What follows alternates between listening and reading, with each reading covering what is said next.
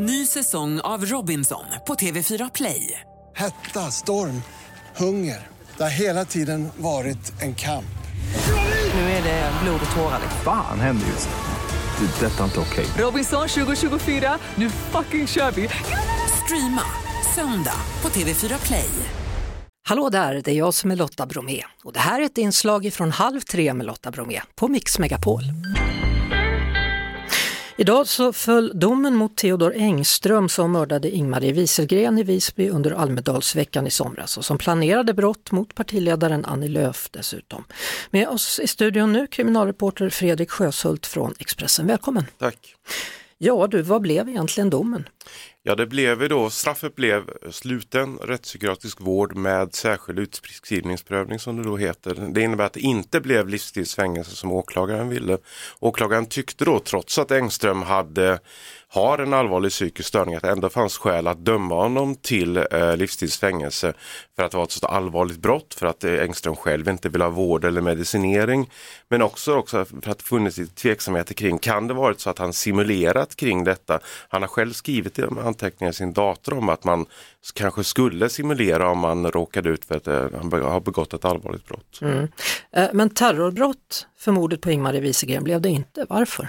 Nej det blev det inte och där tittar då tingsrätten isolerat på den händelsen och menar att eh, själva det mordet eh, påverkade inte Almedalsveckan och påverkar kanske inte Almedalsveckor framöver i så stor utsträckning så att det kan klassas som terrorbrott. Det ledde inte heller till att eh, man skulle stänga ner samhället på något sätt eller påverka inte valrörelsen och så vidare. Men däremot kom man ju då fram till att det var terrorbrott vad det gäller de mordplaner som man hade mot Annie Lööf och där kan man ju säga att där är ju då motsatsen.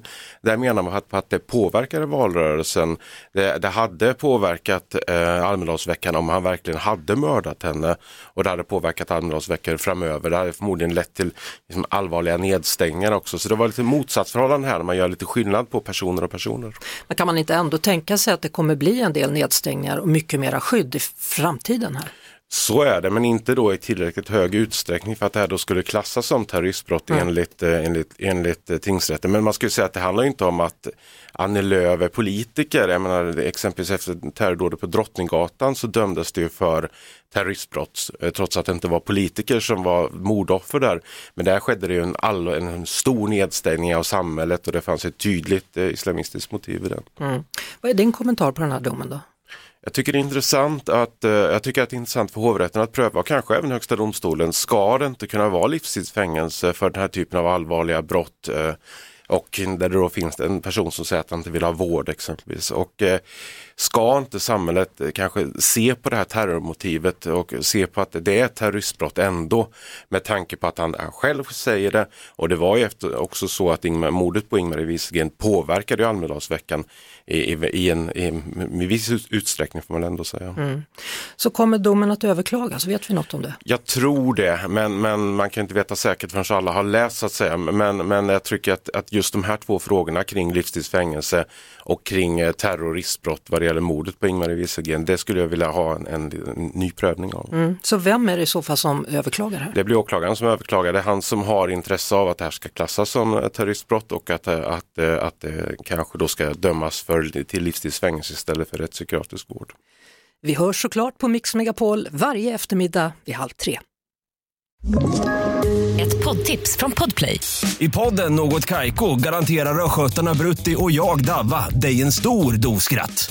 Där följer jag pladask för köttätandet igen. Man är lite som en jävla vampyr. Man har fått lite blodsmak och då måste man ha mer. Udda spaningar, fängslande anekdoter och en och annan arg rant. Jag måste ha mitt kaffe på morgonen för annars är jag ingen trevlig människa. Då är du ingen trevlig människa, punkt. Något Kaiko, hör du på Podplay. Därför är gardinerna.